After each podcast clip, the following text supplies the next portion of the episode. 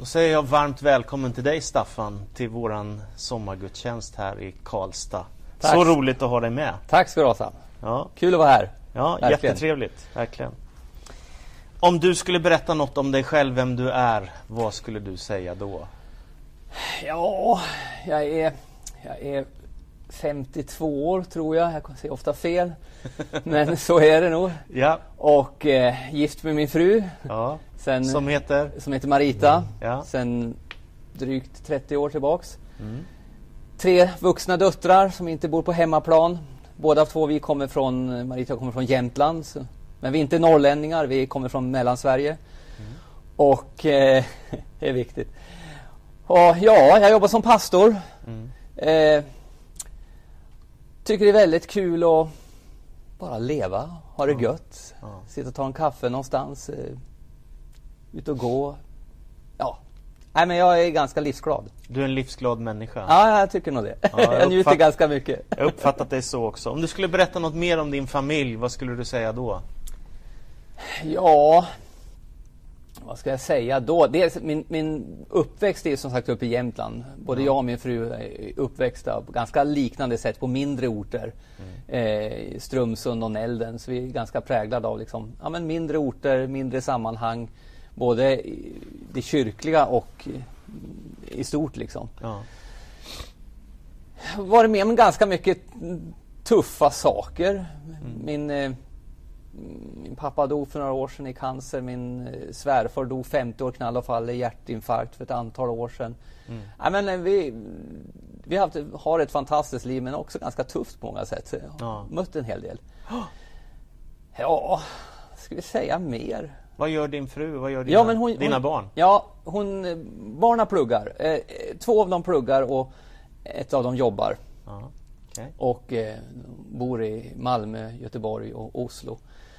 Och frun hon, hon jobbar på sjukhuset här på onkologen sen eh, några år. Vi flyttade ju till Karlstad för tre år sedan från Forshaga där vi bott ett antal år. Mm. Så nu bor vi i lägenhet och stornjuter av att inte ha något hus att pyssla med och gräsmattor att fundera på. Utan vi... Ingen trädgård att sköta? Nej, vi tänker bara på en liten uteplats och så ta en latte liksom. Nej men det, det, det passar oss mycket, mycket, mycket bättre. Okay. Så våra liv är, är ganska bra Så på. blir det charter då istället, eller vad blir det? Ja, nej, då, nej men vi tycker om att göra lite utflykter och ut och vandra bergen och så där har vi gjort ja. en del och så här så vi, men vi, ja typ så. Ja, typ så. Jättegott. Har du någon särskild hobby som du håller på med?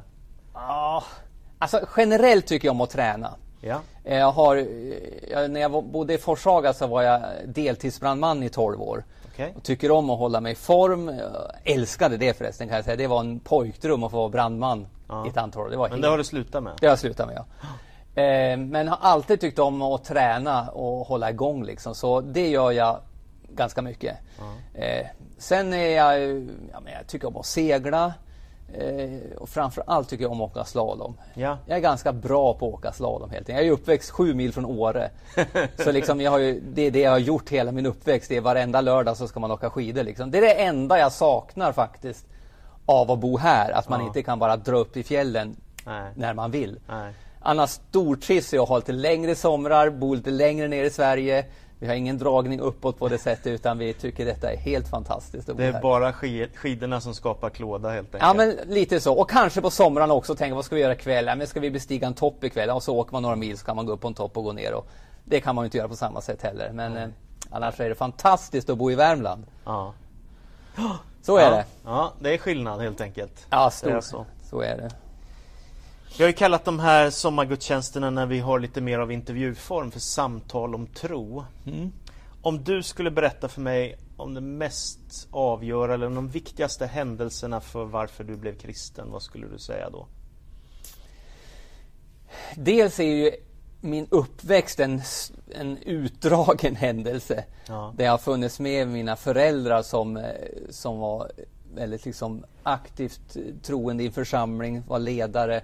Och inte bara alltså, kyrkans gemenskap utan det de visade på hemmaplan. De var samma människor och de hade något, ett genuint intresse för, för människor, en genuin kärlek till människor. Inte perfekta, Men ändå något verkligt som, ja, men som var på riktigt. Mm. Eh, som inte bara satt i mun utan som var ett liv att leva. Ja. Och det, det har ju generellt tror jag gjort ett starkt intryck på mig på det sättet att det fanns något attraktivt i det. Det fanns något ja. bra i det. Va? Mm. Så jag, är, jag är uppvuxen liksom i, jag menar de första åren sov jag med genom gudstjänsten. För jag, jag är lätt för att sova så man, min mamma la mig bara under kyrkbänken och där sov jag liksom. Va? Jag tycker om att sova. Uh och, och sen när jag vaknade upp efter några år så har man hört mycket predikningar, uh eh, varit med på läger och allt detta. Och, men jag har en speciell händelse jag tror jag är 12 år ungefär och vi har tältmöte. Som, man, man flyttade ut kyrkan utomhus och hade tält. Ibland, det är ibland sånt på, som knappt finns nu för Nej precis, men ibland var det liksom bara gräsmattan utanför kyrkobyggnaden bara för att det skulle ja. vara lättare för folk att ta sig in. Ja. Och ja, det fanns någon god tanke med det. Och vid ett sån gudstjänst uppe i Jämtland där så skulle jag eh, man, hade, man, skulle läsa inledningsord. Någon skulle gå fram och läsa ett, ett bibelord från början. Och det var ju lite så att Ja, man kunde läsa ett bibelord och be. Om du sa någonting, då var det ett ämne för att bli predikant. Och sa, ja, men han har någonting mer så här. Och jag hade någonting jag ville säga. Jag hade, på något vis hade jag någonting jag faktiskt ville säga. Så jag minns jag läste ur, ur Romarbrevet där det står talas om att Kristus dog för oss. Jesus dog ja. fast han inte visste om vi skulle ta emot det som var hans gåva. Innan vi liksom hade tagit emot det så var han beredd att ändå ge ut sitt liv. Och det där hade jag liksom fått till mig, men, för jag hade börjat läsa Bibeln ganska tidigt. Ja. Jag var en sån här tävlingsmänniska så jag fyllde i och, jag, och nu har jag läst in hela Bibeln, yes, och så var jag glad ja. över det. Va? Ja. Men det där hade berört mig faktiskt. Jag tänkte, ja men det är någon som behöver höra det här att du är älskad fast Gud inte vet om det och så vidare. Men när jag, när jag står där och läser det här bibelordet, då är det som om 12 liksom, års söndagsskoleundervisning, predikan och allt detta ramlar från huvudet till mitt hjärta och jag fattar Staffan, det här handlar om dig. Ja. För jag trodde att jag var ju, men för jag är en snäll pingstpojke, uppväxt i en pingstförsamling. Jag, ja men det största buset jag hade gjort var väl att ta hål på vattenslangen en gång, bara ren så här, bara känna hur det känns att göra något dumt. Va? Eh, sen gjorde jag säkert andra dumma saker, men jag var inte känd för att vara väldigt liksom Nej. på det sättet. Utan jag, jag men, har kanske svurit en gång i mitt liv av misstag. Ungefär så känner ja. jag, men du är väl en hel ylle liksom. Du är väl jätt, ja. jättebra liksom. Ja. Och där var det som om jag märkte, ja Staffan, du är bra, men i jämförelse med hur helig Gud är så är även du behov av hans nåd och hans förlåt. Det var faktiskt ja. för dig han dog, inte för någon annan som du försöker att adressera här till, Nej. utan adressen var mig. Mm. Så när jag stod där 12 år gammal inför alla så föll jag i gråt. För jag fattade, då var jag drabbad av Guds kärlek. Att jag mm. fattade, ah, han gjorde det för mig. Innan jag tog emot så älskade han mig så mycket. Mm. Mm. Och den kärleken kunde inte jag liksom härbärgera just då, utan då, då brast jag i gråt. Va? Ja. Och ska jag fundera på efteråt så tror jag var där, det har ju varit pingst nu alldeles nyss, jag tror det var där faktiskt jag blev döpt i den helige Ande. Mm. Att den helige Ande liksom drog ner det som var en, en kunskap till en erfarenhet som ja. faktiskt drabbade mig. Ja. Och, och, det var väldigt eh, det var väldigt viktigt för mig, den upplevelsen. Mm. Jag döptes ju väldigt tidigt. Jag var, tror jag var, jag var åtta eller nio år. Ja. Och det är också ganska viktigt. Jag minns själv att jag stod i dopgraven då uppe i Alsens kapell. Och jag hade inte lätt för att gråta som barn, att jag var liksom blödig på det sättet. Jag är mer blödig idag på alla sätt och vis. Men ja. då var jag inte det. Men jag minns att jag stod där och så sa jag faktiskt under tårar till, till Jesus, Jesus nu är det du och jag för resten av mitt liv. Ja. Eh, så, det är man, några... ett barn kan ta så allvarliga beslut? Ja, tydligen. jag kunde det. Sen är jag... Det, det är svåra situationer när det kommer någon som är barn och kanske vill döpas tidigt. Man tänker så här, men jag får ändå tänka, för mig var det viktigt. Mm. Det bar mig genom ganska tuff mellan, lågstadie, mellanstadiet, tid helt mm. ensam som kristen, fick stå upp för detta mm. i, i liksom ett eh, 70-tals Sverige och så vidare. Va? Mm. Så jag tror det var, det var nog viktigt för mig mm. att jag hade tagit ett tydligt beslut liksom, och jag visste vart jag stod. Liksom. Ja, precis. Idag är du pastor och du har varit det i många år. Eh, kan du beskriva liksom, varför blev det din livsväg? Mm. Jag skulle kunna tänka mig att du lika gärna hade kunnat bli eh, motivationsföreläsare eller företagsledare eller, eller inspiratör i, mm. i något sammanhang. Liksom, varför, varför hamnade du i kyrkans värld? Varför varför blir Gud och, och det här så viktigt för dig? Ja, Alltså djupast sett svar på den frågan är ju, ja därför att Gud ville det liksom. Ja. att han kallar och så vidare. Men hur jag upplevde det var nog en... Alltså den här upplevelsen jag gjorde som 12-åring. Där jag förstod att Jesus är på riktigt. Mm. Hans gåva är på riktigt. Och det här gäller, gäller det mig så gäller det alla andra. Ja. Kontra också den frustration som jag kände då, för jag var uppvuxen liksom i en, en varm, god församlingsmiljö uppe i Jämtland. Fantastiskt mycket bra med mig där. Men samtidigt fanns ju hela tiden en känsla av att vi var en ganska isolerad företeelse. Mm. Jag hade ju andra vänner och de berördes inte av vår kyrka och det var lite grann så här känslan, det skulle kännas nästan som en surprise om någon av mina klasskompisars föräldrar skulle bli en vår kyrka. Ja. Va? Skulle det vara möjligt liksom? Ja, ja. men de, de går ju på hockey och på fotboll, de, de passar inte in här. Va? Mm. För kulturen och sättet vi gjorde våra saker gjorde kanske att man kände att ja, vi trivs bra här, men frågan om det här är från någon annan. Va? Ja. Och där för, föddes nog en, liksom en längtan som kanske man kan säga var som en, en frustration faktiskt. Ja. Alltså här, här, här sitter vi på, på de bästa nyheterna, att Jesus har dött för att döden är, är besegrad och varje människa kan få nytt liv. Liksom. Man kan få hopp från evigheten och allt detta goda som jag ändå hade fått erfara. Ja.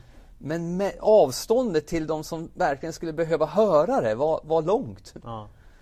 Så och det har varit lite av din kallelse det har varit... att, att minska det gapet? ja sätt. men precis.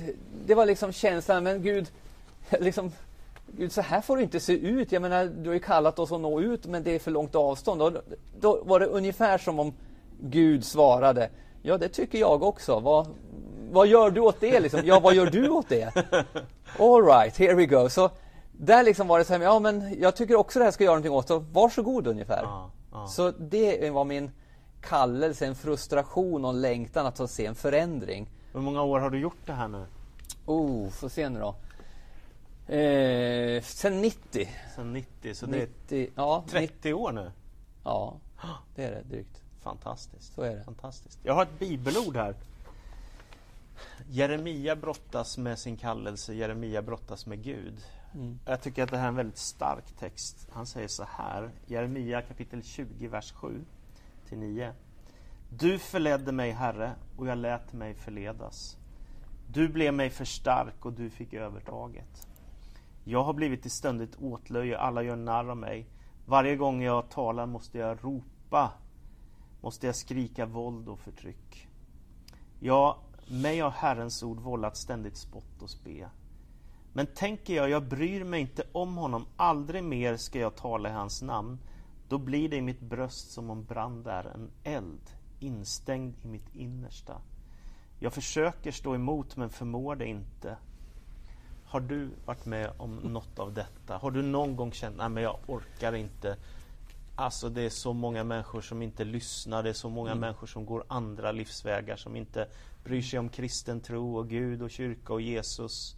Har du någon gång känt att, nej jag orkar inte? Pratar om hur många gånger jag gjort det den senaste veckan eller dagen eller Självklart Självklart, ja, ja berätta, berätta, kan du ge mig något exempel från ditt liv när du kände att Nej men jag orkar inte prata om Gud längre Inte att jag inte orkar prata om Gud, för där känner jag igen mig så väl att jag kan inte vara tyst. Den erfarenheten jag har gjort. Mm. Ibland, jag menar, man får frågan, tvivlar du någon gång Staffan? Jag menar, du står i spetsen, du tror år efter år, man känner sig som en, liksom en som en liksom evighets... Man minns de här äh, Duracell-reklamen. Man känner sig som bara fortsätter och fortsätter och alla andra orkar inte. Men en annan bara fortsätter och fortsätter. Va? Hur, hur, och ibland tänker men Staffan, hur orkar du liksom? Va? Ja. Jag menar, ser du inte hur trögt det är i Sverige och hur få som ändå generellt sett. Va? Ja. Om man ser världsfritt, ja men då är det en annan sak. Va? Ibland ja. får man göra det. Så, oh, ja men det händer mycket saker. Men just här, det är ju här man vill det ska ske. Ja, va? ja precis. Men då, och då kan man ju säga, men oh, hur orkar du? Tvivlar du liksom på att det, att liksom, det du håller på med? För jag menar, när jag möter människor som inte tror och liksom är tvivlande, då säger ja, du att hela mitt liv handlar om om det här är sant eller inte sant. Ja. Om det inte är sant, ja men då är jag en, en lögnare och jag är lurad. Ja. Och hela mitt liv är ett stort falsarium. Ja. Så för mig är det på liv och död, det här med tron och Jesus. Så det kan inte kvitta liksom. Nej. Utan då tar det så djupt både i min, hela mitt liv. Och när jag då hamnar någon gång, vi tar, eh, vi, vi tar det två bitar. Det ena är om jag hamnar i, i tvivel, för man "Åh, är det sant? Då brukar jag skala av alla erfarenheter. Jag har gjort mycket erfarenhet av Gud. Den jag berättade om 12 år, det är bara Typ en. andliga upplevelser. Ja, men andliga upplevelser av olika slag, av bönesvar, av helanden, av olika saker. Va? Om jag liksom skalar av det och tar bort det, ja men man kan förklara det så, man kan förklara det så och så vidare. Va? Och så liksom kommer man in i någon kärna och kärnan för mig blir alltid då ett, Jesus har varit här som fysisk person. Det, det är liksom historiskt fattat, det är inte en religiös insikt utan det är en historisk insikt. Ja. Två, han dog. Det är inte heller en religiös sak, utan alla dör. Ja. Men tre, allt tyder på att han uppstod från de döda. All fakta, all erfarenhet, all histo- historik, allting tyder på att någonting hände som gjorde någonting fantastiskt och det tyder på att han uppstod från de döda. Ja. Om man tänker lärjungarna som följde honom, de blev martyrer Ja. för sin tro. Det är bara Jag en tänker, av... varför skulle man ha blivit det om inte det hade hänt på riktigt? Precis, det är bara en av många saker som liksom tyder på detta. Och, och då hamnar jag där. Okej, ja men Jesus funnits, han har dött, han har bevisligen uppstått. Ja men då är det där sant också, då är det sant, då är det sant. Ja men då är alltihop sant och då är jag tillbaks där jag började. Va? Ja. Så där hamnar jag när det gäller det. Mm. Och den erfarenheten, den vetskapen om att detta är sant och erfarenhet i mitt hjärta gör att ja, men jag, jag, jag kan inte sluta. Nej. Underbart. Det, det går inte, för är detta sant? Det är, som, är, det, är det C.S. Lewis som säger att, att kristen tro kan inte vara... Ja, men om den är sann så berör den alla. Ja. Om den inte är sann så berör den också alla. Men den kan inte vara bara att jaha. Nej. Det går inte. För är den sann, då, då är det för alla. Ja. Och då måste alla få höra och alla faktiskt ta ställning till det. Just det. För det är inte bara, jaha, jaså, nej det funkar inte så. Nej. Och så är det för mig. Ja. Därför är mitt, är mitt hjärta så brinnande. Ungefär, jag känner verkligen igen mig i den texten. Verkligen alltså. Mm. Det, och även någon gång man tycker, liksom, oh, here we go again. Men vad har du för alternativ Staffan? Du har Ja. upplevt du har upplevt. Ja. That's it. Häftigt.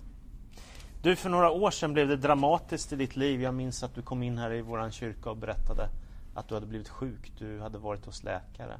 Kan du berätta något om detta? Vad var det som drabbade dig? Jag hade haft ont i ryggen i ganska länge och jag har aldrig haft ont i ryggen. Jag har knappt, jag har varit väldigt frisk i hela mitt liv. Jag har haft ont i huvudet typ så här många gånger i hela mitt liv. Liksom. Ja, Så ja. Jag har verkligen inte varit drabbad, haft otroligt god hälsa på det sättet. Men nu hade jag ont i ryggen. Mm. Eh, min pappa fick flytta hem till Herren för några år sedan och det började som ryggont. Jag hade inga tankar på det än, utan jag gjorde, jag gick till olika, ja, dit man går, eh, sjukgymnaster och så vidare och gör si och gör de övningarna. Men jag kände ju ganska snart att de där övningarna, eftersom jag tränar hela tiden, ja, men det, det tar inte liksom. Det Nej. händer ingenting med Nej. den här smärtan. Nej.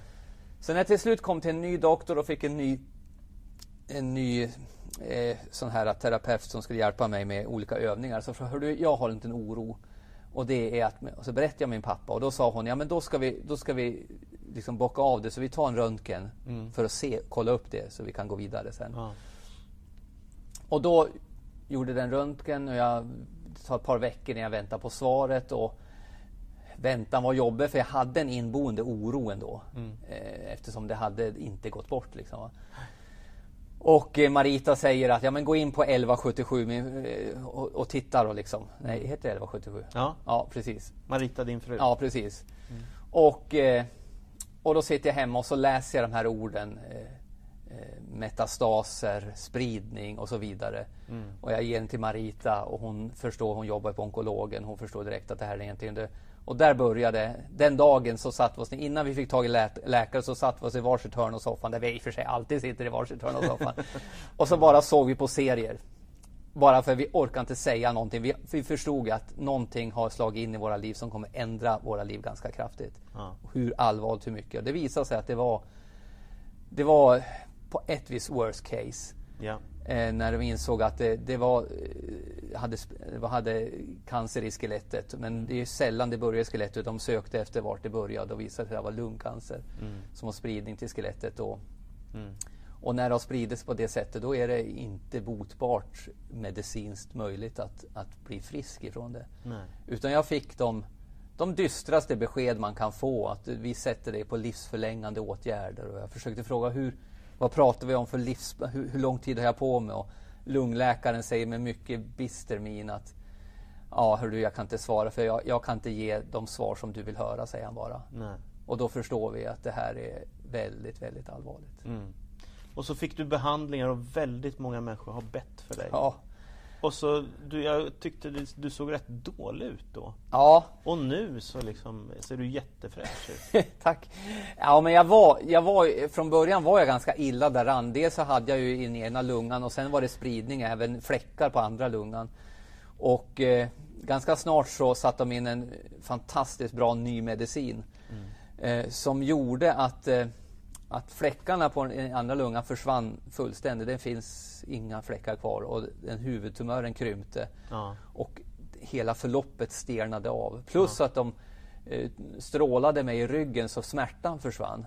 Mm. Men under en tid, under strålningen och första tiden där, då, ja, men då, då såg jag på människor som såg mig att de tänkte att Staffan har inte lång tid kvar. Och det trodde jag också. Det här, vi fick beskedet i hösten 2017 och vi tänkte nog att ja, är det sista julafton, hinner jag fira jul? Hinner jag fylla 50 år? Får jag fira det? Ja. Och så vidare. Så, ja.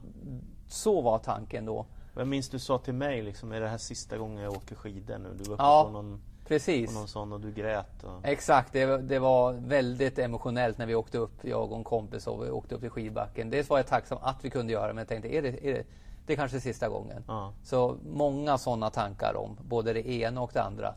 Och många har bett för dig, du har fått behandlingar. Och du, säger, du sa till mig för ett tag sedan i alla fall att ja, jag känner mig rätt frisk. Jo men så är det verkligen. Jag, eh, alltså, upplevelsen av att så många människor ber för en. Mm. Det är ju, och inte bara Sverige utan överallt. Ja. Den är ju, möta människors kärlek och engagemang har ju varit omtumlande minst sagt. Ja. Och det då kombinerat med svensk sjukvård där man äter så dyr medicin som man tror inte det är sant och som, är, som man får dela och, och faktiskt eh, mår otroligt bra nu. Så idag, jag är absolut inte friskskriven. Jag har varit på röntgen häromdagen så jag, jag vet inte. Gud kan ha helat mig, det vet jag inte. Nej. Så tänker jag ständigt att jag kan ja. bli helad. Ja. Eh, samtidigt så mår jag väldigt bra så jag känner inte av min sjukdom idag. Jag jobbar 100% och, och, och mår som vanligt vilket är, är väldigt, jag är väldigt glad och väldigt tacksam samtidigt som jag är försiktigt glad. Ja. För jag vet också, det här är en, en, en, en cancer som, kan, som förändras. Ja. Den, och, och, rätt som det så kan jag vara på ruta ett igen och, och så bara, får man se om det finns någon ny behandling, om det kommer fram något nytt preparat och så vidare. Ja. Eh, så jag är liksom försiktigt väldigt glad och tacksam. Men det är så lätt att ha tro för alla andra, mm. men man är mer försiktig när det gäller sitt eget liv. Ja, eh, så typ så ligger det till nu, men jag mm. mår väldigt bra och är mm. Tacksam. Mm, så gott. Och du är en sån glad människa fast du har gått igenom sådana här tuffa saker. Ja, nej men det var ju alltså, utifrån det vi pratade om förut, erfarenheten av Gud så det måste jag få säga också. Jag ser att du tar fram min bok här och tänker spåra in på något annat. Men jag vill bara säga det också att tron har varit så... För man undrar ju, är, är tron Funkar den bara när det är välgång eller när det blir riktigt tufft läge? Bär den på riktigt då? Ja. Är det någonting som håller på riktigt? Och min erfarenhet var så omtumlande stark att wow, jag har verkligen hopp för evigheten. Det är inte tomma ord att stå på gudstjänst.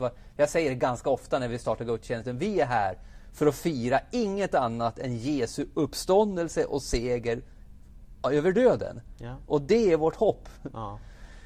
Och att, att de orden verkligen är sann på det sättet att de faktiskt kan bära även i den riktiga dödsdalen som mm. jag har gått igenom och går på ett vis igenom. Och i och för sig gör vi ju alla det mer eller mm. mindre. Vi har ju mm. tidsbegränsat allihop, bara att jag ja. kanske vet lite mer. Ja. Men märka då att det, här, att det här bär och att det kan ge inte bara tröst utan hopp och kraft och faktiskt glädje. Och, och som jag upplevde det vi kände inga så här varför och så vidare utan vi, vi kände wow, tänk att vi har fått vara gifta i 30 år och vi har fantastiska döttrar och vi har fått fantastiskt liv. Skulle Herren ta hem mig för tidigt? Ja, det är tråkigt. men det är inte orättvist. Det finns andra människor som har det riktigt orättvist och riktigt mm. elände. Vi ändå får uppleva så mycket av Guds godhet och Guds nåd Både på det andliga planet men också på det fysiska planet. Mm. Så hoppet om himlen det liksom finns där? ja men det är, det är på riktigt och finns där. Och, ja. så, men vi har hopp bakåt, vi har hopp här och kunna bli hela. Då blir vi inte det så har vi hopp framåt. Ja. Så det enda i en sån här situation som vi kan missa det är lite tid och man kan tycka, ja 25 år om det skulle bli så, det är ganska mycket tid. Nej, inte ett evighetsperspektiv, då är det som en fläkt. ja. I livet är det ganska mycket. Men vi tänker att faktiskt livet är större än de 50, 60, 70, 80 åren som vi kanske får. Just det. Och i, i det synfältet, ja men då blir det någonting annat.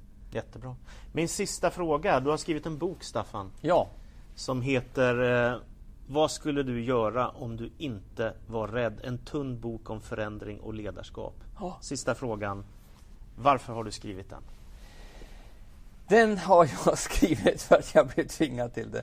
Nej, ja men lite så. Nej men grejen var så här, när vi kom till, till, Karls, till Forshaga alltså, i ett antal år sedan så gick vår kyrka genom en ganska stor förändringsprocess. Och mycket utifrån det som var min kallelse, det här att, att nå ut till nästa generation, nå in i vanliga svenskars liv och märka att det finns en sån ja, det finns ett gap, ett gap emellan kyrkan och människor. Va?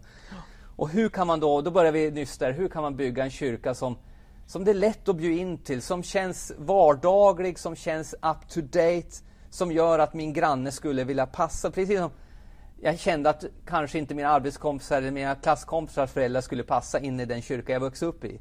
Så vill jag bygga en kyrka där de skulle känna, wow, det här är min kyrka och jag hör hemma här. Att den inte skulle kännas föråldrad eller från en annan tidsepok och sånt där.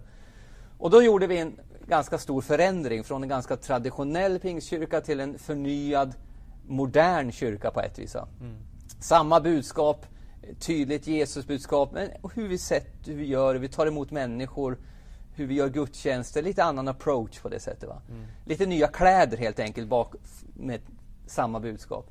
Och när vi hade gjort den liksom, resan så var det andra kyrkor som var ganska intresserade av det och jag åkte runt och berättade lite grann om detta och träffade ledningar i olika kyrkor.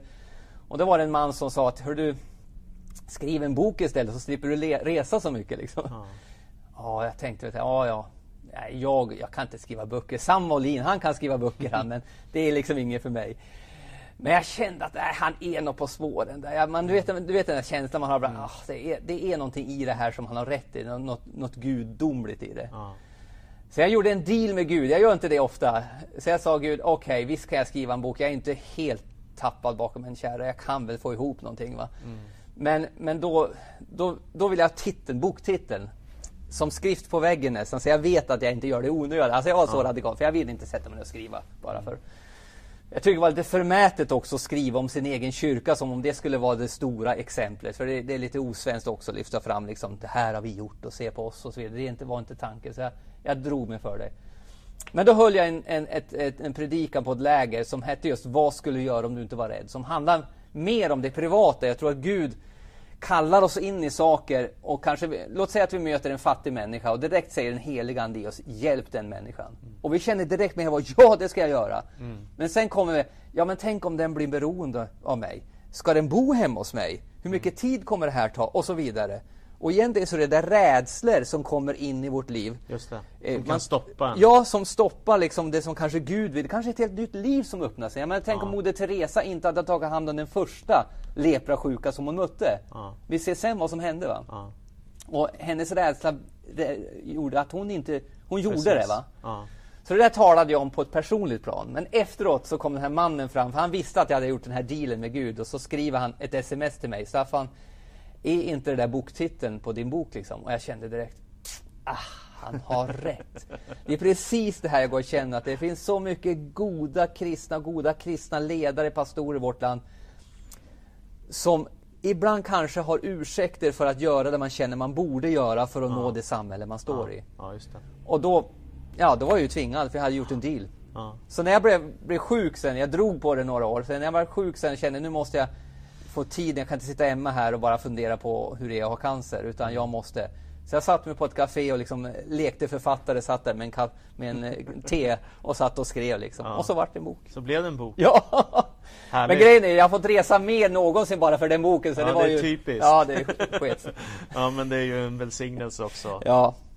Stort tack Staffan för ett jättefint samtal om tro. Ja. Känns väldigt värdefullt och tack för att du delar så ärligt ifrån ditt liv, det som har hänt dig. Både av Gud och det som är tufft. Mm. Tack Jättestort tack. Tack så mycket.